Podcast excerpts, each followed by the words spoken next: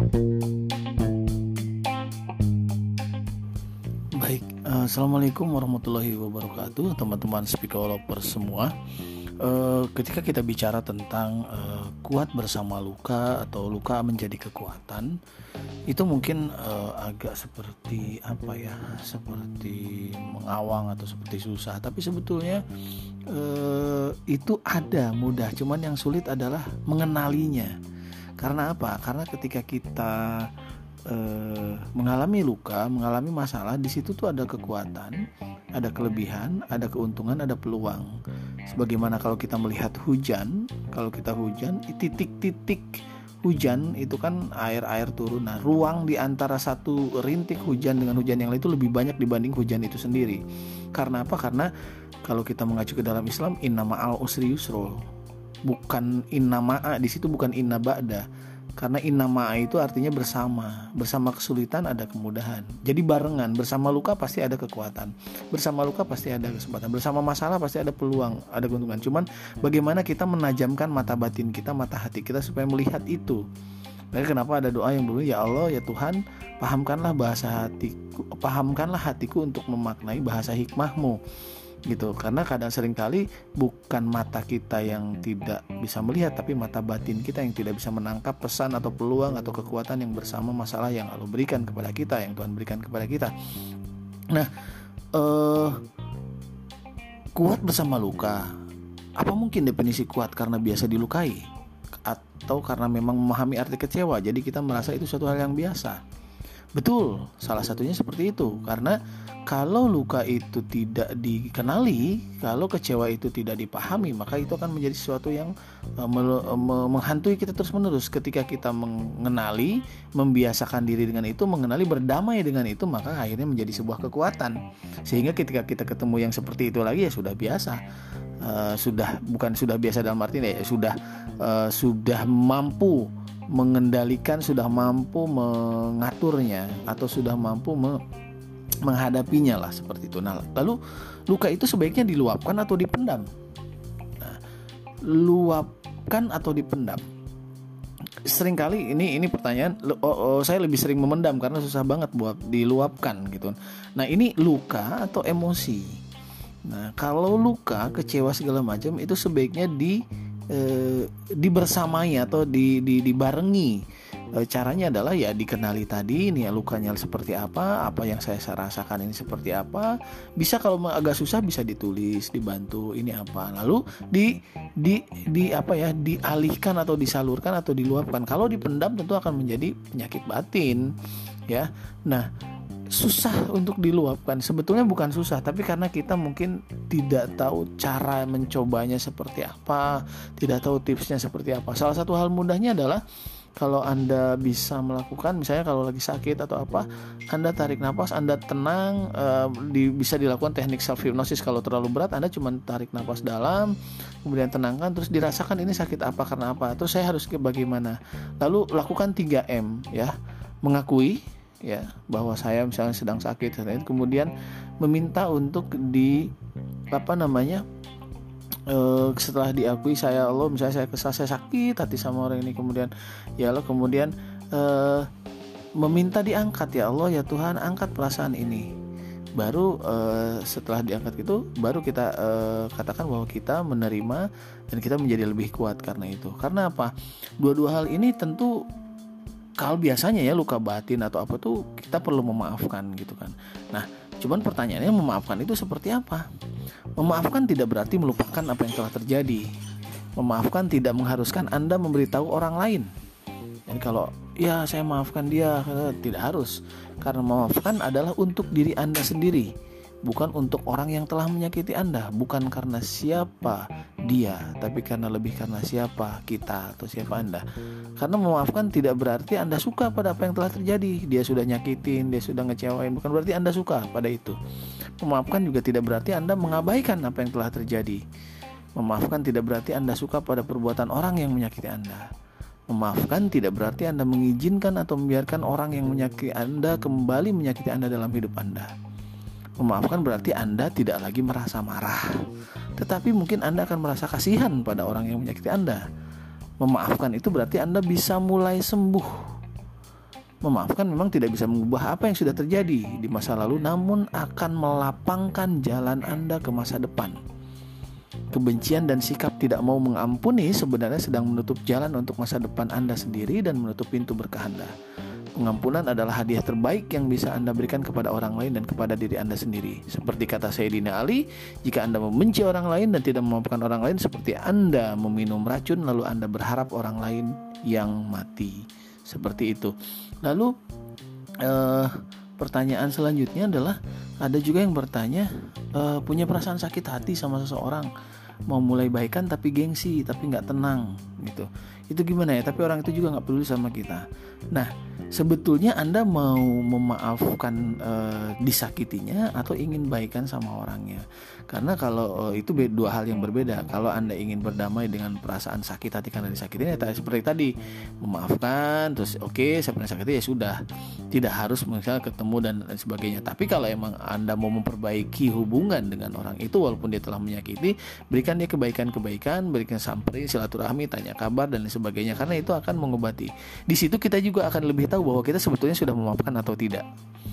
Oke, kemudian ada lagi yang bertanya tentang pernah luka dua kali dengan orang sama karena orang punya kesempatan kedua jadi memaafkan dan menerima lagi. Karena ekspektasi, yang terlalu tinggi akhirnya terluka untuk kedua kali dan lukanya semakin besar. Hampir tiga tahun ini proses memaafkan awalnya sedih kecewa lama-lama jadi marah. Waktu berjalan lebih baik malah kasihan ketika mendengar kabar dia ingin kembali. Tapi saya tidak mau karena berjalan. Luka itu bagi saya penerimaan diri bahwa saya terluka kemudian uh, kemohon untuk memaafkan karena hati ingin tenang dan plong. Ini luar biasa. Terima kasih ini bukan pertanyaan tapi ya ini seperti ini. proses memaafkan hampir tiga tahun loh. Luar biasa berarti ada proses di situ tapi uh, itu adalah uh, proses itulah yang indahnya. Seperti Anda gini, orang hebat itu bukan orang yang suka melakukan sesuatu, tapi orang yang tidak suka tapi tetap dilakukan. Contoh si si A dia tidak suka makan rujak Kemudian si B membawakan dia rujak. Lalu dia karena menghormati si B dia makan. Dia tidak suka tapi dia tetap lakukan. Itu orang hebat. Beda lagi kalau si C dia suka rujak dibawakan oleh B rujak kemudian dia makan itu yang biasa. Jadi ada proses tidak sukanya, ada proses tidak nyamannya lalu diolah ketidaksukaan, ketidaknyamanan, e, ketidakenakan lalu dia tahan, dia handle sehingga dia bisa melakukan yang sesuatu yang dia tidak sukai, tidak nyaman. Di orang orang itu hebat, orang itu kuat. Oke, baik terima kasih teman-teman psikolog semua, sahabatku sekalian di psikolog ini mudah-mudahan menjadi uh, manfaat untuk kita semua. Terima kasih, salam sehat jiwa. Assalamualaikum warahmatullahi wabarakatuh. Alhamdulillahirrahmanirrahim Sahabat-sahabat dan teman-teman psikolog semua Di mana pun Anda berada dan dalam kondisi apa pun Anda saat ini Semoga keberkahan dan kesehatan senantiasa menyertai Anda. Tentunya bahagia sekali kita bisa berjumpa lewat virtual saat ini dan uh, selamat hari ini menjelang hari gitu tentunya. Semoga Anda senantiasa sehat, senang hati, baik ragam maupun fisik Anda maupun jiwa Anda senantiasa ada dalam ketenangan, kebahagiaan dan kenyamanan. Amin ya rabbal alamin. Sahabat speaker semua, uh, tentunya terkadang hidup berjalan tak seperti yang Anda harapkan saat berharap terhadap sesuatu, kenyataan yang ada tak mendekati atau bahkan jauh dari harapan. Rasa lelah dan sedih pasti akan muncul, begitu pula saat memperjuangkan sesuatu tentunya. Ujian yang ditemui sepanjang jalan bisa jadi membuat Anda merasa lelah. Merasakan kelelahan akibat kecewa terhadap sesuatu yang tak sesuai harapan merupakan hal yang wajar tentunya. Lelah tersebut bisa saja bersifat batin yang sangat erat hubungannya dengan perasaan dan akan bisa berdampak pada lelah fisik. Jika Anda sedang merasa lelah dan lemah, itu adalah hal wajar dan Anda tidak sendirian. Banyak orang yang juga pernah mengalaminya, termasuk saya tentunya. Satu dari lima orang bisa merasa lelah pada saat tertentu dan kelelahan menjadi hal biasa. Dunia saat ini dengan eh, kemodernannya dan eh, kecanggihannya melibatkan pekerjaan yang konstan, stres, ketegangan yang membuat orang kurang tidur serta olahraga yang tepat. Ketika jiwa Anda sudah lelah, maka Anda bisa menderita berbagai gejala yang dapat secara drastis mempengaruhi kualitas hidup Anda. Kelelahan bisa berpengaruh pada pikiran hingga membuat orang tak lagi punya perasaan yang baik untuk melakukan sesuatu. Semua itu tentu mempengaruhi keadaan jiwa, sakit, dan butuh bantuan. Apa pun itu, Anda tetap harus berlapang dada untuk menyikapinya. Jangan biarkan hal tersebut membuat diri kita menyerah dengan keadaan. Anda pernah merasakan lelah yang teramat lelah? Sabar ya tentunya. Karena hal itu juga sesuatu yang lumrah. Jangan takut karena nyatanya anda tidak sendiri kok. Faktanya banyak sekali orang-orang di luar sana yang juga pernah mengalaminya atau mungkin kini sedang mengalaminya. Percayalah satu dari enam orang dapat merasa lelah pada saat tertentu dan kelelahan tersebut adalah hal yang biasa. Mungkin beberapa dari kita semua ada yang tak menyadari bahwa kenyataan jiwa kita pun juga dapat dilanda perasaan lelah sama halnya dengan fisik kita kita sering kali mengabaikannya, menganggapnya sebagai sesuatu yang tidak penting, namun siapa sangka bahwa dampaknya lebih dari sekedar kata ketidaknyamanan. E, seperti apa ya saya coba akan share tanda-tanda jiwa yang lelah e, di bawah ini ya, yang mungkin tampak tak penting, tetapi dapat menciptakan ketidaknyamanan dan masalah besar. Seperti apa? E, berikut coba saya share tanda-tanda jiwa seseorang yang sudah merasa lelah. Yang pertama tentunya adalah uh, kualitas tidur yang terganggu ya. Di saat uh, jiwa Anda sudah lelah, maka kualitas tidur pun akan terganggu. Seperti kurang merasa nyenyak, kerap bermimpi buruk dan selalu mengigau. Kemudian seperti ada perasaan mengganjal di dalam dada dan itu pertanda bahwa jiwa seseorang telah menyimpan banyak beban. Dampak dari memendam rasa dengki, amarah, dan ketakutan yang hanya disimpan dalam jiwa membuat badan menjadi tidak segar saat bangun tidur. Meskipun jam tidur sudah cukup, tidak banyak orang yang mengalami sulit untuk bangun tidur dari tempat tidur di pagi hari, padahal sudah tidur dengan waktu yang tepat. Nah, ini salah satu tanda bahwa jiwa kita sudah lelah. Pernah nggak Anda merasa sulit bangun pagi gitu, atau sulit tidur di malam hari? Itu tandanya Anda benar-benar butuh istirahat, bukan istirahat fisik, tapi istirahat jiwa. Meski Anda sudah mengambil istirahat dalam sehari penuh, tetapi masih merasa lelah. Nah, itu juga ciri-ciri bahwa ada permasalahan pada jiwa kita. Uh, jadi manfaatkanlah waktu libur bukan untuk istirahat, namun untuk membuat jiwa Anda senang. Ya, bisa jadi juga istirahat fisik sudah gitu semalaman gitu, tapi ternyata tetap lelah. Ya faktanya bahwa misalnya sulit kita bangun dari tempat tidur di pagi hari, bahkan kita tadi seperti tadi tidur sudah oke okay, jamnya tepat gitu kan. Tapi bangun tidur nggak enak gitu kan. Nah, sulit untuk memulihkan jiwa anda dengan tidur. Akibatnya akan muncul kelelahan kronis dan anda menghabiskan sepanjang hari berjuang dengan diri sendiri. Setiap kali anda perlu melakukan sesuatu Tanda selanjutnya adalah sering e, marah berlebihan. Saya pernah bilang ya, kalau manusia marah itu normal, tapi kalau marah-marah berarti itu ada, ada sesuatu yang e, kurang beres atau sesuatu yang tidak tepat. Siapa pun pasti pernah merasa marah kan, itu wajar dan lumrah karena tidak ada satupun orang yang akan sanggup memendam segala emosi dalam diri pada jangka waktu yang lama. Tentu saja semua orang boleh meluapkan amarahnya jika hati bisa merasa plong seperti kemarin kita bahas ventilasi emosi marah boleh tapi sesuai porsinya. Tapi ini akan berbeda bila amarah berlebihan, tak terkendali bahkan sampai melampiaskan ke orang lain. Hal itu menandakan jiwa yang sudah lelah akibat banyak menimbun sampah-sampah dalam jiwa. Pemicunya bisa jadi dirinya sedang menyimpan permasalahan yang hanya dia tahu. Masalah tersebut juga belum terselesaikan sampai sekarang, sehingga jiwanya sudah tidak sanggup lagi membendung dan akhirnya emosinya meluap-luap. Tanda lain kelelahan jiwa itu adalah kondisi kesehatan menurun. Dampak selanjutnya ini yaitu kesehatan menurun. Ketika jiwa Anda sudah lelah, terjadilah penurunan kesehatan. Mesti ya meskipun Anda merasa sudah cukup olahraga, cukup nutrisi, tapi badan sering merasa tidak fit, mudah capek. Selain itu juga mungkin tanda fisik lainnya merasa migrain, insomnia, mah dan sebagainya. Itu semua bisa menjadi pertanda bahwa jiwa Anda sudah lelah. Berbeda jika jiwa seseorang sehat, maka badan pun tampak lebih segar dan enteng. Untuk itu jaga selalu hati dan pikiran agar badan kita juga terjaga. Bila perasaan kita cukup happy, ikhlas, lega, maka tubuh pun pasti akan sehat. Karena kondisi emosional seseorang bisa mempengaruhi sistem metabolisme dalam tubuh atau metabolisme dalam tubuh. Kemudian selanjutnya adalah eh, tanda-tanda uh, bahwa lelah jiwa itu berpikir negatif yang tidak bisa kita atur, tidak bisa kita kontrol, tapi kemudian pikiran kita selalu berpikir negatif. Anda mulai sering membayangkan hal, kecil yang menyenangkan, mengingat kejadian lucu, dan mencoba menciptakan momen bahagia. Karena Anda terbiasa berkonsentrasi pada pengalaman negatif dan buruk, jiwa Anda mungkin menderita kelelahan. Anda tidak Anda tidak membebani diri Anda dengan energi positif. Sebaliknya, Anda justru menyanyiakannya dan sulit untuk melupakan saat-saat tidak menyenangkan yang pernah terjadi. Ini akan mempengaruhi suasana hatimu dan menciptakan perasaan tidak bahagia. Pernah nggak Anda punya perhatian pada sesuatu yang eh, kejadian kecil atau kejadian lucu, kemudian mencoba menciptakan momen bahagia? Nah, kalau terbiasa fokus pada pengalaman negatif dan buruk, Anda akan buat seorang menderita kelelahan. Jadi, ingatlah selalu hal-hal positif yang akan menciptakan uh, diri kita jauh lebih baik dan menciptakan perasaan bahagia tentunya. Kemudian tanda selanjutnya adalah konsentrasi menurun, energi fisik menurun. Karena apa? Ketika jiwa Anda sudah lelah, maka produktivitas, kreativitas, konsentrasi, semangat kerja akan menurun sebab hormon yang dihasilkan tidak bekerja secara optimal. Itulah alasan kenapa diri seorang bisa merasa tidak sekreatif dan seproduktif dulu. Sehingga kayaknya ide-ide brilian gue nggak ada hilang seperti itu ya. Nah, hal-hal tersebut juga akan menurunkan ketidak um, apa kepedulian kita akan menurun jadi menjadi orang yang kita tidak peduli sehingga aspirasi juga jadi kurang.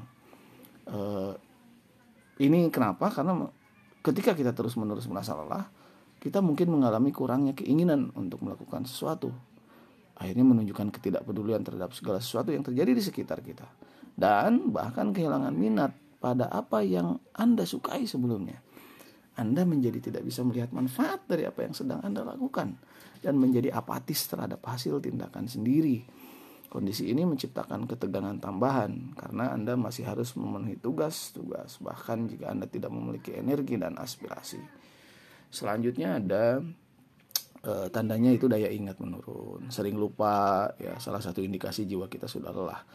Karena e, ini masih bagian dari produktivitas tadi. Jika kita happy, hormon yang berhubungan untuk akses memori akan bekerja maksimal agar jiwa kita tidak lelah hingga mengganggu kebahagiaan dan kesuksesan, maka kita harus maintenance dengan cara sering membuang sampah dalam jiwa. Cara tersebut bisa dengan berdoa, konsultasi pada orang profesional seperti konselor, terapis ya, untuk membuat batin merasa tenang. Gabungan antara psikologi dan spiritual saling berkaitan, maka kenapa kita bikin uh, psikolog salah satu usaha kita untuk membuang sampah-sampah jiwa.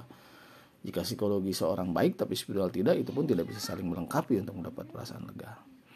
Kemudian menutupi kesedihan. Tanda selanjutnya itu menutupi kesedihan. Orang-orang yang sedang lelah jiwa eh, sedangkali berpura-pura dengan rasa sakit atau menutupi rasa sedihnya. Jangan berpikir bahwa menutupi rasa sakit dengan berpura-pura baik adalah cara yang tepat untuk menyelesaikan masalah. Karena jika hal itu terus dilakukan berarti sama saja Anda telah membohongi perasaan diri sendiri. Padahal di dalamnya hancur dan jiwa Anda sudah lelah. Kebanyakan orang menutupinya dengan tersenyum dan menghabiskan energi ekstra untuk mencoba menciptakan ilusi sukacita. Padahal sebenarnya jiwanya menangis. Pada akhirnya hal tersebut menjadi sia-sia dan tidak memiliki kekuatan untuk terus berpura-pura semuanya baik-baik saja. Jangan berpikir bahwa menyembunyikan rasa sakit dan pura-pura baik-baik saja adalah cara yang baik untuk menyelesaikan masalah. Jika Anda melakukan ini, seperti tadi saya bilang, Anda sedang membohongi diri sendiri dan orang lain tentang perasaan Anda yang sebenarnya. Karena sebenarnya semua yang ada dalam diri Anda hancur. Anda mencoba yang terbaik untuk bisa tersenyum dan menghabiskan energi ekstra untuk berpura-pura baik. Ya, kemudian e, hal lainnya adalah tanda tanda-tanda lelah jiwa sering melarikan diri dari kenyataan dan ada keinginan untuk bersembunyi dari orang lain. Jika Anda pernah merasa ingin melarikan diri dari kenyataan dan memimpikan kehidupan yang berbeda, itu berarti Anda telah mengalami tanda salah satu tanda jiwa Anda sudah lelah. Misal, memikirkan masa lalu dan takut akan masa depan. Artinya Anda tidak menyukai momen saat ini, saat sekarang, dan mencoba mengalihkan perhatian dengan segala cara yang memungkinkan. E, pelarian dapat membahayakan sebab Anda masih harus kembali melakukan tugas sehari-hari dan ketidakpuasan atas kenyataan yang berbeda dengan mimpi akan menekan Anda. Jadi contohnya mungkin Anda duduk di sudut ruangan untuk melindungi diri dari orang lain atau bahkan menjadi tidak ingin menarik perhatian. Tapi karena Anda mungkin tidak dapat mengunci diri di rumah dan berhenti berinteraksi dengan orang lain, Anda menjadi tertekan oleh komunikasi yang tidak diinginkan. Anda masih perlu menjaga percakapan sehari-hari dan tetap dekat dengan orang lain, bahkan jika Anda ingin ditinggal sendirian. Nah, karena keinginan untuk menyendiri itu pun juga jadi tanda lelah jiwa Sering kali untuk menenangkan pikiran mungkin menghindari orang-orang di sekitar adalah cara yang terbaik. Tapi sayangnya cara itu menjadi pertanda bahwa jiwa Anda sudah lelah. Ya, merasa kesepian. Nah, jika Anda mengarahkan semua kemarahanmu pada orang-orang di sekitar, hubungan sosial kita bisa menjadi tegang. Terlebih ketika Anda berpura-pura merasa baik dan tidak ada yang tahu keadaan sebenarnya, ini semua bisa membuat Anda merasa kesepian dan sendirian dengan masalah Anda. Anda mulai berpikir bahwa tidak ada yang bisa mengerti, menerima, dan membantu diri Anda. Jadi Anda kemudian mencoba untuk menangani semuanya sendirian, berjuang dengan kondisimu sendiri hari demi hari. Maka salah satunya adalah let's talk, mari kita bicara, curhat, cerita ya. Kemudian yang terakhir adalah ciri Anda mengalami lelah jiwa adalah perubahan emosi yang mendadak. Kelelahan, ketidakpuasan, ketidakpedulian dapat mempengaruhi emosi. Seberapa sering seorang marah, tersinggung pada sesuatu yang kecil, menangis, tertawa tanpa alasan juga menjadi salah satu tanda jiwa seseorang lelah ya. E, seberapa sering anda menjadi marah kemudian tersinggung pada sesuatu yang kecil atau mulai menangis dan tertawa tanpa alasan ya? Jika perubahan suasana hati seperti ini menjadi terjadinya tidak e, teratur ini mungkin pertanda jiwa yang lelah. Hidup menjadi lebih sulit hidup menjadi lebih sulit dengan ayunan emosional seperti ini. Ini akan memaksa anda untuk mencari konflik lebih dari sekedar berusaha mencapai kedamaian dan pemahaman dengan orang lain. Jadi itu mungkin uh, tanda-tanda bahwa kita sedang mengalami lelah jiwa. Mudah-mudahan kita semua uh, selamat kalaupun uh, dari kondisi ini dan bisa melewati dengan baik. Bagi Anda yang sedang mengalami hal ini saat ini, kita akan lanjut nanti di tips dan trik baik secara psikologis maupun spiritual tentang mengatasi lelah jiwa. Demikian. Assalamualaikum warahmatullahi wabarakatuh, teman-teman psikologers, sahabat-sahabat psikologers semua. Eh, semoga senantiasa sehat ya di mana pun anda berada. Uh, saya ingin melanjutkan uh, tentang kelelahan jiwa atau lelah batin ya. Sebelumnya saya pernah membahas tanda-tanda tentang lelah batin atau lelah jiwa. Nah berikut saya ingin sharing berbagi sedikit tentang tips dan trik mengatasi lelah jiwa, lelah batin dari sudut pandang psikologis maupun spiritual. Buat yang baru bergabung, baru mendengarkan, ini mungkin gini ya apa kata kuncinya mungkin awalnya pernah nggak kita ngerasa uring-uringan, malas, bosan dan bahkan galau tanpa sebab ya rasanya nggak semangat hidup gitu ya. Mungkin kamu lelah atau lapar. Nggak apa-apa kok lelah hati itu wajar saja apalagi di tengah kesibukan tiada henti seperti urusan sekolah, kuliah, kejar target, deadline termasuk uh, masa lalu yang terus menghantui mungkin. Cuma sayang ya kalaupun kita ada liburan itu ada weekend doang ya pengen traveling berarti ongkos ya. Apalagi sekarang pandemi. Nah, kalaupun tetap ingin pergi waktunya sempit. Ujung-ujungnya malah kecapean karena perjalanan terlalu jauh. Nggak lega ya karena alasan tadi pun kita jadi lebih memilih tidur atau males-malesan di rumah. Ujung-ujungnya lelah jiwa kita tidak berkesudahan. Waduh. Seperti apa solusinya dari sudut pandang kesehatan itu yang pertama banyak makan buah atau sayur dan minum air putih ini salah satunya. Loh kok bisa gitu kan makan buah dan sayur? Beneran kok. Selama ini kita pasti lebih banyak atau lebih sering makan makanan yang instan ah, dan sebenarnya itu bisa bikin tubuh kita jenuh. Nah makan buah dan sayur jelas bermanfaat ya untuk mendetoks tubuh kamu. Di dalam tubuh yang sehat terdapat jiwa yang kuat. Jadi kalau jiwa kita kuat ya pasti lebih mudah mengelola stres dan pikiran pun ikut fresh Nah, cobalah kita nanti ganti cemilan yang mengandung gula, garam itu gorengan-gorengan itu ya. Itu diganti dengan buah-buahan ya. Dijamin kenyang tapi tetap sehat, aman dan halal. Selain makanan sehat, minum air putih secara teratur juga penting, apalagi kalau kita sedang gelisah atau banyak beban pikiran. Karena minum air putih bisa membantu melancarkan aliran darah sehingga kita bisa jadi lebih rileks. Yang kedua, triknya tipsnya adalah tertawa ya ya karena tertawa itu pada saat tertawa itu ada oksigen masuk ke otak kita jadi kita menjadi lebih tenang ya. Tertawa itu adalah fungsi pelepasan yang alami ya. Kalau misalnya susah coba aja nonton sesuatu yang lucu dan e, membuat kita tertawa terbahak-bahak. Walaupun saat itu kita misalnya sedang tidak mood. Pastikan ketika tertawa terbahak-bahak tubuh kita mengikutinya. Jadi jangan hanya tertawa di mulut. Yang terbahak itu seluruh tubuh ikut bergerak nah kalau bagi yang sedang lelah jiwanya parah Lakukan saja hal ini minimum 3 menit secara rutin. Kemudian olahraga ya. Ya, olahraga memang sehat e, raga dan sehat jiwa tentunya. Olahraga olah jiwa tentunya.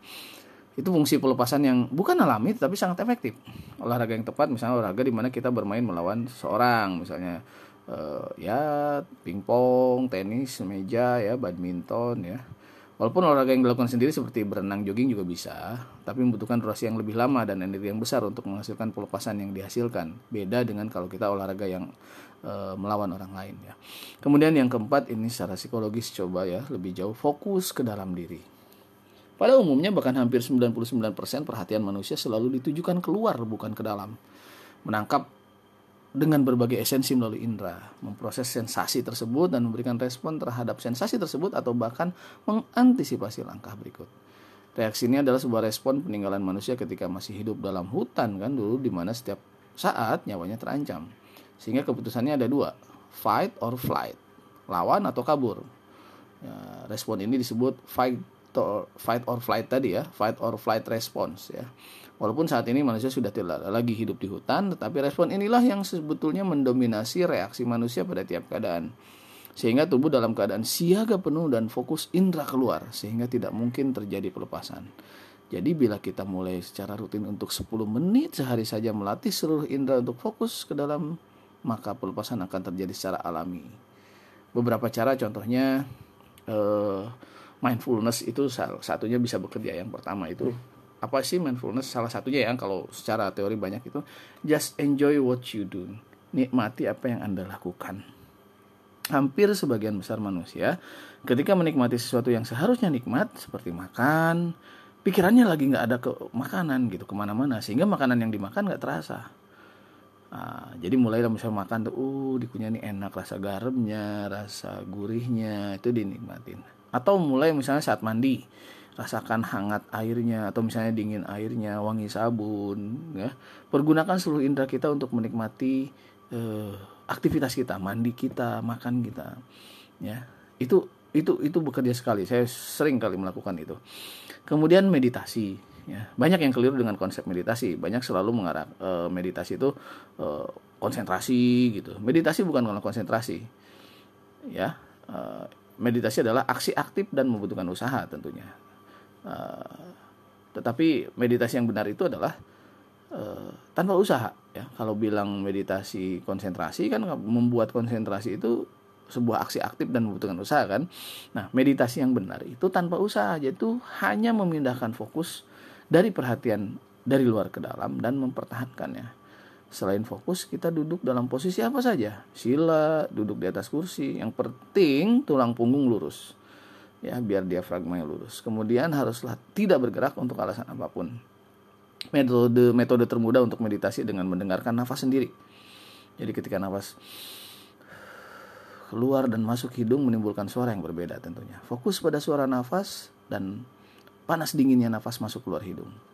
Alternatif lainnya adalah mengucapkan kata dalam hati tanpa diucapkan. Dapat apa saja secara berulang-ulang ya. Kalau orang Islam ya bisa astagfirullahalazim atau la ilaha illallah atau yang lain untuk yang om om ya itu kan sebetulnya untuk uh, memperkuat uh, fokus pada saat meditasi.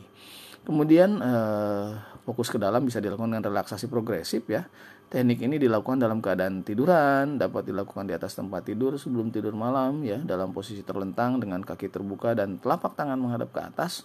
Mulai dengan mengencangkan otak tangan kanan sekencang-kencangnya sambil menahan nafas untuk beberapa detik lalu buang nafas bersama dengan lepaskan tensi otot. Lemaskan selemas-lemasnya. Tadi kan kencang kan, lemaskan. Lakukan hal ini untuk semua otot ya, seperti tangan kanan, tangan kiri, kaki kanan, kaki kiri, perut, dada, leher, muka ya. Nah, lakukan scanning dengan pikiran seolah-olah merasakan otot yang mulai rileks, mulai dari muka sampai ke ujung kaki. Biasanya lama kelamaan Anda akan rileks dan jatuh tertidur. Itu beberapa uh, metode yang terbukti ya sudah bisa menjadi pelepasan uh, lelah jiwa kita ya. Uh, yang ter, yang kelima ya kemudian caranya adalah let go things you can control lepaskan apa yang tidak bisa kau hadapi tangani sesekali kita perlu tarik nafas dalam. Tarik nafas sebentar. Dan biarkan semua terjadi apa adanya. Hidup sudah ada yang atur dan anda pun sudah berusaha semaksimal mungkin untuk menyelesaikan masalahnya. Jadi nggak ada salahnya kalau kita biarkan hidup mengalir apa adanya. Let it go let it go ya. Kayak gitu. Enam, pikirkan hal-hal yang menyenangkan. Selama ini mungkin Anda terlalu sibuk menyenangkan orang lain, jadi lupa membahagiakan diri sendiri. Udahlah sob, brother, sister, mulai sekarang pikirkan yang indah-indah aja ya. Yang selanjutnya triksnya adalah habiskan waktu dengan orang-orang tercinta. Seringkali karena kita terlibat masalah kita ya, lupa dengan orang-orang di sekeliling kita yang mencintai kita ya. Ini nggak kalah penting. Luangkan waktu untuk kumpul dengan orang-orang yang kamu cintai. Nggak harus pacar kok. Bisa keluarga, saudara, adik, temen ya ayah ibu kalau ini atau kalau misalnya masalah dengan orang lain dengan orang keluarga ya pasti ada yang mencintai kita sahabat kita gitu. Main bareng sama orang-orang yang kamu sukai bakalan bikin kamu lebih happy tentunya. Apalagi kalau udah saling cerita. Ada aja yang bisa bikin ketawa tanpa henti. Saya sendiri kalau saya sedang lelah stres saya cari teman saya sahabat saya dan ya hanya ngobrol yang tertawa-tawa itu membuat semangat baru tentunya. Kemudian eh, selanjutnya tips dan trik adalah ini nih kurangi penggunaan gadget ya penting loh terkadang sumber stres kita itu karena terlalu banyak dan sering pakai gadget ya atau TV, komputer, handphone ya. Coba deh di pas saat libur, nah saya sering kayak gini. Pada saat libur senggang matiin aja handphone kamu. Nggak usah buka laptop, matiin TV ya. Karena kadang-kala cara TV bikin kesel ya. Ah, ganti dengan ya minum teh atau kopi hangat, jalan-jalan ngobrol sama teman. Percaya aja, nggak pakai gadget itu damai banget. Saya pernah nyobain banget itu. Kemudian yang terakhir lah lebih banyak luangkan waktu di alam terbuka. Ini jelas buat saya sih oke okay banget buat refresh pikiran. Nggak perlu jauh ke gunung atau ke pantai ke pulau terpencil ya atau bahkan menyepi di gua nggak. Sekali kita jalan-jalan bersepeda di sekitar rumah ya sekalian uh, mengenal lingkungan yang telah lama kita abaikan mungkin. Siapa tahu ketemu jodoh ya bagi yang untuk jomblo. Oke. Okay? Nah, itu uh, hal yang mungkin bisa saya share tentang uh, mengatasi spirit, uh, apa lelah jiwa dari sisi uh, psikologis. Kalau dari sisi spiritual, banyak sekali orang-orang yang sudah lelah batin, lelah jiwa, sudah bertemu dengan uh, dokter atau psikolog atau apa mungkin masih uh, merasa mengganjal. Nah, tiada lain yang bisa mengobati lelah jiwa adalah yang memiliki jiwa karena kita kebetulan muslim uh, tentunya kita mengadu kepada Allah Subhanahu wa taala berbicara curhat kepada Allah. Luangkan aja 10 menit 15 menit di malam hari katanya waktu yang paling tepat. Atau menjelang uh, fajar ya menjelang subuh itu ceritakan, obrolkan semuanya, adukan. Itu enak banget, damai banget ya. Tentunya kalau Islam punya mekanisme yang sangat tepat untuk melepaskan lelah batin. Tapi tadi dimaknai bukan uh, ritual ya, sholat sekedar sholat, eh, puasa sekedar puasa, tapi tidak memaknai uh, ritual sehingga tidak mendapatkan makna spiritual di dalamnya. Gitu. Jadi uh, ya ya nafsul mutmainnah irji'i. Wahai jiwa-jiwa yang tenang irji'i balik kembali. Jadi sebetulnya Tuhan tuh senantiasa memanggil kita. Balik sini pulang ke aku gitu kata Allah tuh. Wahai hambaku kembalilah gitu. Nah mungkin kita selama ini uh, jauh melupakan dan sering tidak mengingat Allah subhanahu wa taala. Karena yang senantiasa ada adalah Allah yang maha ada. Kita yang sering nggak ada sering nggak ingat ya. So, mari kita kembali mari kita mengadu kepada yang maha memiliki jiwa. Demikian teman-teman speaker semua. Semoga bermanfaat dan e, menjadi sebuah kekuatan baru untuk menjalani hidup kita tentunya buat saya sendiri dan teman-teman sekalian. Selamat hari gini menjelang hari gitu salam sehat jiwa. Assalamualaikum warahmatullahi wabarakatuh Baik, uh, para teman-teman speaker semua, selamat malam, selamat hari gini menjelang hari gitu di sesi uh, sharing, uh, tanya jawab, ada beberapa uh, sahabat speaker lovers yang bertanya. Yang pertama bertanya tentang uh, apa ya, uh, bi mati rasa, mati rasa dikarenakan patah hati seperti diselingkuhin uh, itu apakah termasuk jiwa yang lelah bagaimana cara menghidupkan rasa yang mati uh, secara psikologis ya tentunya oke eh, kemudian ada juga yang bertanya lelah karena selalu dituduh selingkuh padahal tidak pernah melakukannya pada akhirnya berhenti dan tidak melanjutkan hubungan apakah itu termasuk langkah yang tepat Nah, kemudian ada lagi yang bertanya, bagaimana cara mengatur pola pikir untuk percaya ke seseorang? Kadang merasa lelah, selalu berpikiran gak percaya. Giliran bersangka buruk, nyatanya baik. Giliran bersangka baik, nyatanya malah buruk. Itu yang buat pikiran selalu nggak percaya. Ada juga yang bertanya kalau aku sih lebih ngerasa jenuh untuk melakukan hal yang udah biasa aku lakuin. Udah berapa kali refreshing tapi sebentar aja happynya. Habis itu kembali ke rutinitas ya tetap jenuh. Apa itu salah satu tanda jelah jiwa atau kurang bersyukur? Ada juga yang bertanya tentang niat. Ya, setiap kali berniat selalu ada yang gagalin, gitu kan. Uh, niat mau menjalankan sesuatu tapi ada aja yang gagalin padahal sedang niat. Nah gimana caranya biar nggak lelah hayati menyikapi kegagalan? Baik eh, yang pertama eh, tentang eh, mati rasa dikarenakan patah hati atau mungkin hati tersakiti rasa ikut mati mungkin gitu ya. Memang eh, sebagaimana yang tadi disampaikan di awal hidup tidak selama menyenangkan ya sering kali hidup menghujani kita dengan hal-hal yang menyedihkan pengalaman pahit dan kata-kata yang terus menghakimi pun terasa menyisakan dada kita ditolak kita dilupakan kita ditinggalkan kita tersakiti belum lagi ada tanggungan kita tetap harus bekerja, mengerjakan tugas yang deadline, ngurus keluarga, meluangkan waktu untuk menghibur teman yang bersedih, hingga akhirnya lupa memberikan ruang untuk diri sendiri. Terlalu banyak yang harus dipikirkan, dirasakan, dan dilakukan. Seringkali akhirnya kita kabur daripada menghadapi apa yang terjadi. Bukan karena tidak mau, tapi tidak sanggup. Kita membangun benteng di sekitar kita dengan harapan terhindar dari ancaman rasa sakit yang ditimbulkan oleh peristiwa dan masalah tertentu. Kita memilih untuk mati rasa karena takut merasakan kesedihan yang sama. Keadaan ini dikenal juga dengan nama emotional numbness. Pada satu titik kehidupan, setiap individu mungkin mengalami mati rasa atau emotional numbness. Seorang psikoterapis bernama Myra Mendes eh, menjelaskan bahwa emotional numbness merupakan proses menghalangi dan mengesampingkan perasaan yang disertai dengan penurunan respon terhadap emosi. Kondisi ini berangkat dari peristiwa traumatis yang pernah dialami atau masalah-masalah yang terus menumpuk dan sangat menekan, sehingga individu tidak berdaya untuk mengatasinya. Emotional numbness dapat terjadi pada mereka yang mengalami kecemasan, kedukaan, depresi, kekerasan fisik, atau kekerasan mental. Tiap individu akan mengalami gejala yang berbeda-beda. Ada yang tidak dapat mengenali emosi yang sedang dirasakan, misalnya merasa hampa, merasa flat, ya ditanya ya udah cukup makan ya terserah kayak gitu. Tidak dapat berkonsentrasi, merasa linglung, atau merasa terlepas dan terpisah dari lingkungan sekitar.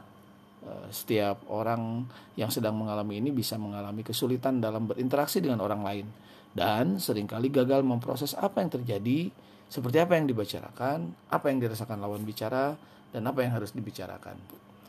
Maka dari itu banyak yang merasa tidak nyaman dan menghindari interaksi sosial. Kayak jadi robot gitu. Kita tidak memiliki kontrol atas diri kita dan aktivitas kita dikendalikan oleh orang lain. Kita tidak berpikir terlalu dalam dan hanya berinteraksi seadanya sesuai apa yang terlintas di pikiran kita. Kita tidak benar-benar hadir Untung saja, emosional numbness pada umumnya berlangsung sementara. Namun, dalam beberapa kasus dapat menjadi sebuah kebiasaan yang buruk dalam menghadapi situasi tertentu. Kebiasaan untuk menjadikan emosional numbness sebagai coping mechanism, mekanisme coping mengatasi masalah stres, jadi dengan mati rasa. Itu tanpa sadar kalau misalnya terbiasa seperti itu. Apabila sedang dilanda banyak masalah atau suatu peristiwa yang benar-benar besar, tentu tiap orang akan merasa sangat tertekan. Daripada harus merasakan segala emosi negatif, beberapa orang membeli untuk mematikan perasaan. Emosi emosi negatif memang tidak kita rasakan, tetapi kita juga kehilangan kesempatan untuk merasakan emosi positif. Aktivitas kita mungkin dapat berjalan dengan lancar, tetapi hasil tersebut kita peroleh dengan membohongi diri sendiri. Hal ini sejalan dengan mekanisme pertahanan manusia dalam menghadapi peristiwa yang sangat menekan atau traumatis. Seperti pernah saya sebutkan bahwa manusia punya salah satu uh, dari tiga respon, fight, flight atau freeze. Ya. Bertarung, fight, flight kabur atau freeze membeku. Diam gitu. Manusia tentu memiliki insting untuk bertahan hidup. Segala cara dilakukan untuk melindungi dan menyelamatkan diri dari ancaman termasuk mengaktifkan mode mati rasa atau freeze. Freeze yang dimaksud bukan berarti seorang tidak melakukan apa-apa, tetapi mereka berusaha memutus koneksi dengan lingkungan. Pada awalnya memang akan terasa melegakan, tapi secara tidak sadar kita terus menggunakan cara ini dalam menghadapi masalah di kehidupan sehari-hari. Kita mampu beraktivitas, tapi urusan perasaan tidak pernah tuntas. Bagaimanapun juga, hal-hal negatif hidup berdampingan dengan hal-hal positif. Seperti yin yang ya kalau di Cina. Dua energi yang bertolak belakang pun saling melengkapi untuk mencapai keseimbangan.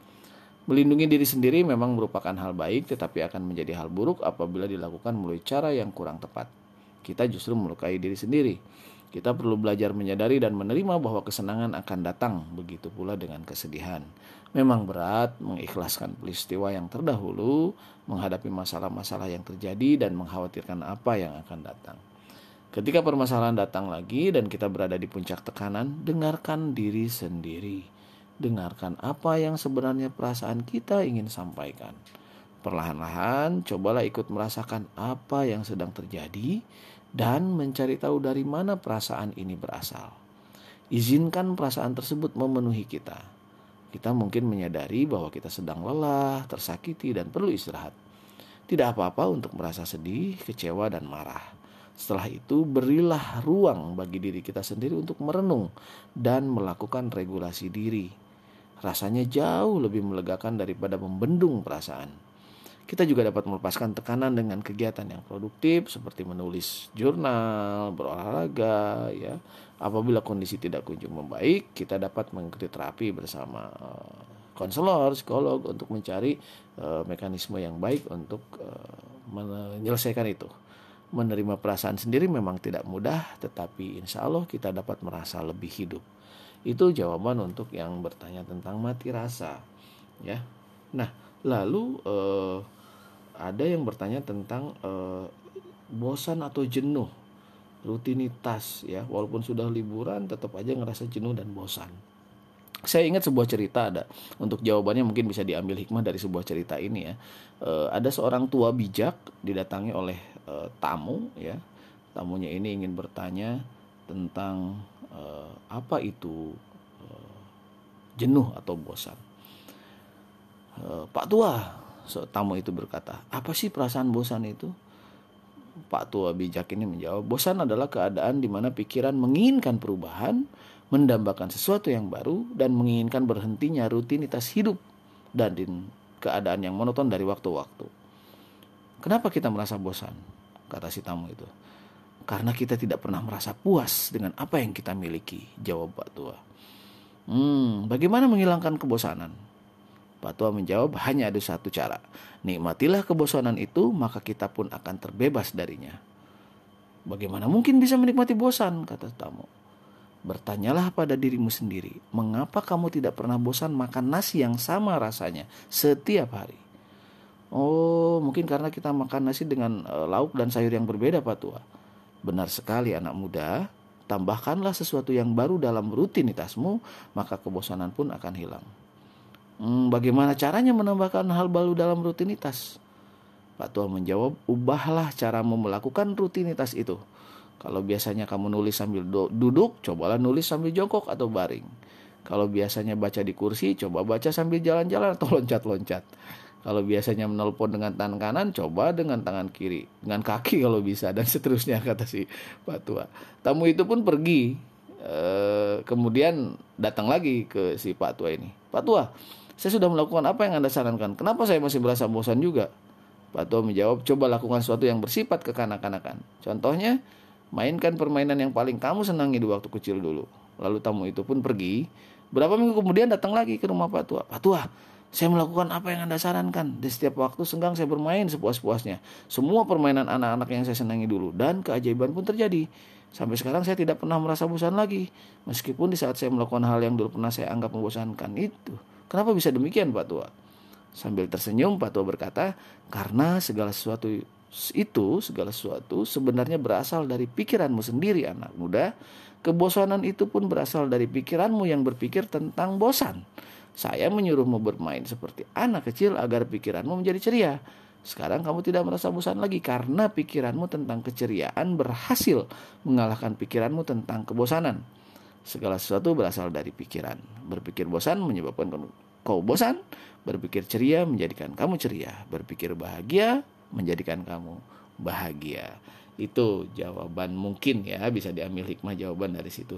Terus kalau ada yang tadi niat uh, selalu gagal gitu. Uh, ketika mau berusaha apakah itu termasuk uh, jadi lelah hayati menangani seperti apa? Uh, niat baik sudah dicatat baik oleh Allah. Kalau niat jahat belum. Jadi kalau misalnya niat baik terus kita gagal lagi eh, berbaik sangkalah sama Allah bisa jadi itu yang terbaik untuk kita. Karena Allah berfirman dalam salah satu ayatnya bahwa belum tentu yang menurut kita baik itu baik menurut Allah dan belum tentu yang kita benci yang buruk itu adalah buruk menurut kita. Seperti itu. Nah mungkin kalau yang e, bertanya lagi tentang bagaimana cara mengatur pola pikir untuk percaya ke seseorang. Kadang merasa lelah selalu berpikiran eh, nggak uh, percaya. Prasangka buruk jadi baik prasangka baik jadi buruk. Nah itu yang bikin jadi nggak percaya. Nah sebetulnya uh, ya pikiran itu mengendalikan kita. Ketika kita uh, bilang baik kemudian terjadi buruk jangan diambil hasil buruknya kemudian merubah pikiran baik kita Eh, di situlah proses uh, bagaimana di situ kita bersyukur dan bersabar di saat apa yang kita pikirkan baik tidak sesuai dengan apa yang dipikirkan. Tapi sekali lagi setiap kita berpikiran baik maka kebaikan akan menyelimuti kita. Padahal uh, keburukan misalnya terjadi. Kadangkala bukan hal buruk itu yang terjadi tapi kadangkala mata batin kita yang tidak terbuka melihat sisi-sisi kebaikan pada saat keburukan itu terjadi. Nah, jadi kadang doanya pahamilah ya Allah pahamkan hatiku akan bahasa hikmahmu. Ketika kita sudah berpikiran baik keburukan yang terjadi. Karena ada kebaikan ada keburukan itu bersama-sama. Karena sering kali justru keburukan itu yang mengalahkan e, pikiran baik kita dan diri kita yang sudah baik. Justru harusnya kita bisa mengalahkan pikiran buruk atau kejadian buruk itu Lelah karena selalu dituduh selingkuh padahal tidak pernah melakukannya pada akhirnya berhenti dan tidak melanjutkan hubungan. Termasuk langkah yang tepat? Buat saya sih tepat karena Anda biar tidak lelah lagi dituduh. Gitu karena e, pertuduhan selingkuh itu kalau memang Anda tidak melakukannya tidak terbukti dan memang tidak ada e, tidak dilakukan Anda membuktikan sudah ya jadi e, memperburuk suasana dan Anda akan terlibat pada toxic relationship. Buat saya itu tepat asalkan e, dilakukan dengan baik-baik pisah dengan baik-baik e, dan disampaikan alasannya kenapa gitu. Tinggal nanti uh, lanjutkan dengan move on seperti yang sudah pernah kita bahas. Karena biasanya kalau seperti itu move onnya yang agak berat ya. Oke uh, itu dulu uh, yang bisa saya sharing. Mungkin mudah-mudahan bermanfaat. Uh, salam sehat jiwa. Terima kasih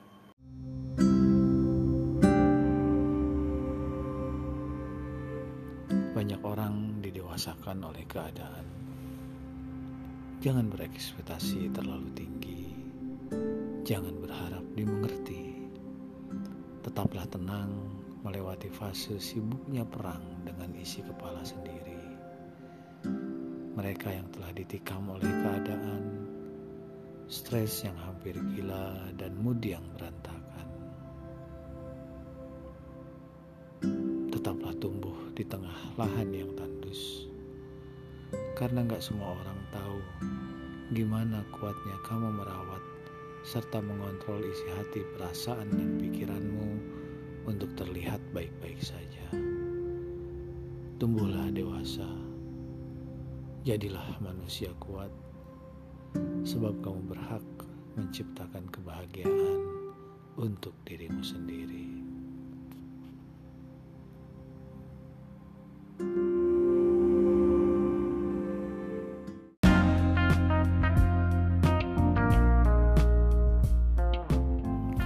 Assalamualaikum warahmatullahi wabarakatuh. Hamdanillah wa syukurillah Wassalatu ala rasulillah wa alihi wa sahbihi wa mabadu Sahabat Villa eh, di grup UPC ini yang luar biasa proses belajarnya tidak terasa kita sudah berada di penghujung masa waktu kita bersama untuk saling sharing dan berbagi. Terima kasih jazakallah khairan kasiron tentunya kepada yang senantiasa menemani Mbak Mindil, Mbak Risa yang semangatnya luar biasa sampai kepada kami ya dan tentu juga uh, ucapan doa terbaik untuk uh, guru kita Dr. Aisyah Dahlan semoga senantiasa keberkahan dan kesehatan menyertai tim ahli yang luar biasa Umi Wardah, Dr. Lanang, eh, terima kasih banyak sudah uh, meluangkan waktunya menggantikan saya di dua hari kemarin ya, luar biasa. Semoga menjadi pahala jariah uh, senantiasa menyertai ya pahalanya.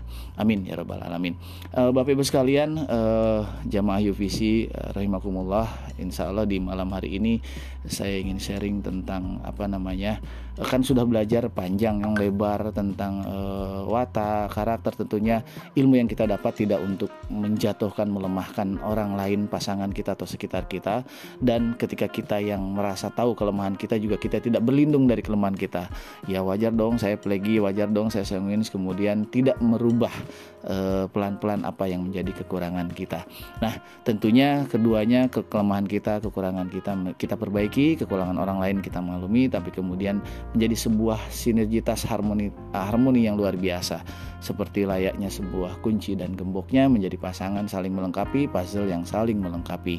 Insya Allah tentunya akan menjadi keberkahan untuk kita semua dengan pasangan dan orang-orang di sekitar kita. Nah, dari semuanya itu izinkan saya mungkin sedikit merangkum ya tentang empat karakter ini mudah-mudahan bisa menyegarkan kembali karena tentunya Bapak Ibu sudah sangat memahami apalagi kemarin tes-tes dari Umi Wardah luar biasa ya banyak yang nebak yang sudah tepat ataupun sudah mendekati tapi itu proses yang luar biasa untuk uh, belajar.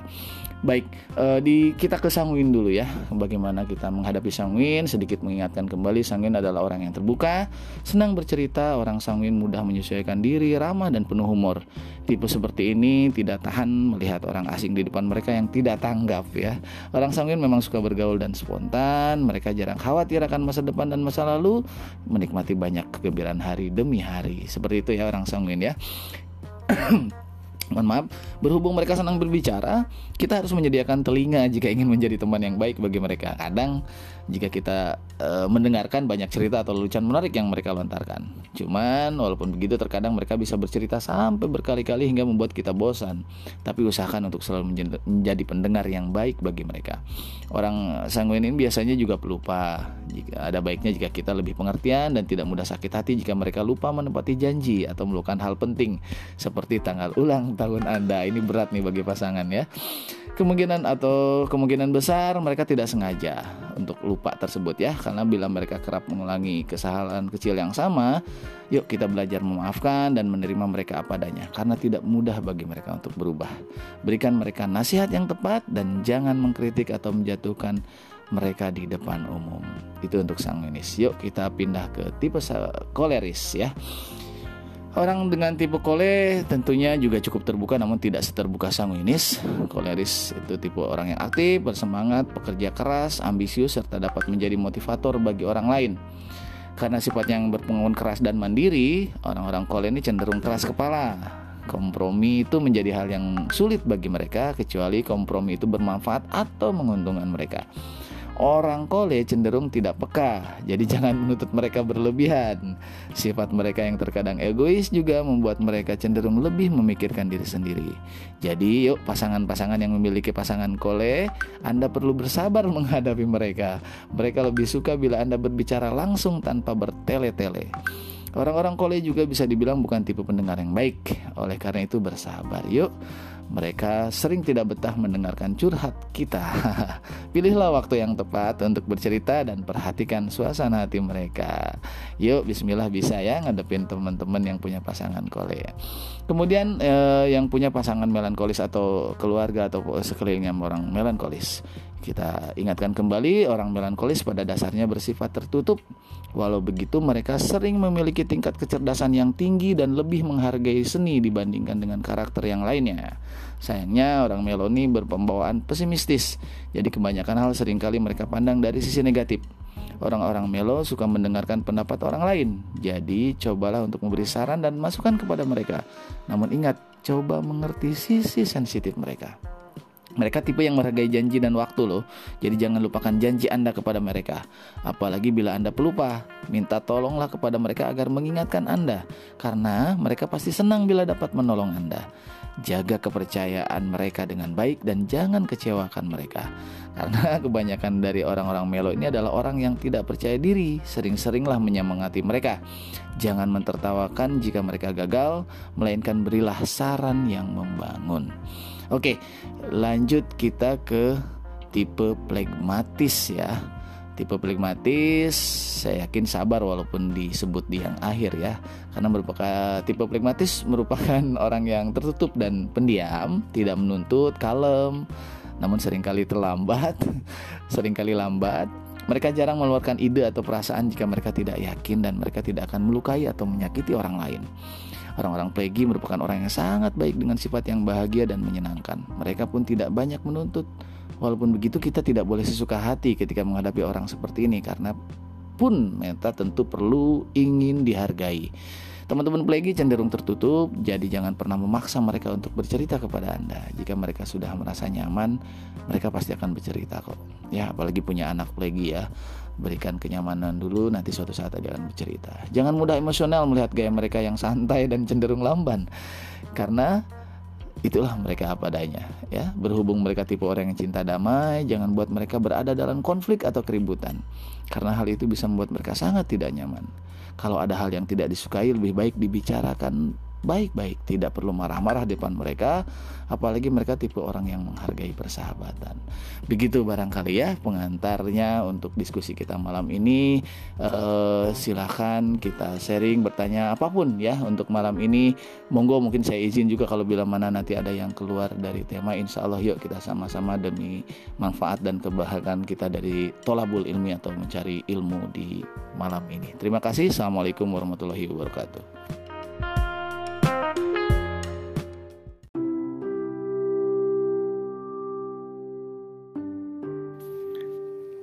Apa pun yang telah terjadi hari ini, lapangkanlah hatiku untuk menerimanya. Jika esok hari keadaan tak kunjung membaik, tolong cukupkan diri ini untuk tidak menyalahkan siapa pun. Aku percaya bahwa yang terjadi semuanya berkat campur tanganmu ya Allah. Dan untuk segala bahagia yang masih diselimuti tanda tanya, aku percaya ada sesuatu yang lebih besar dan lebih baik yang telah engkau persiapkan.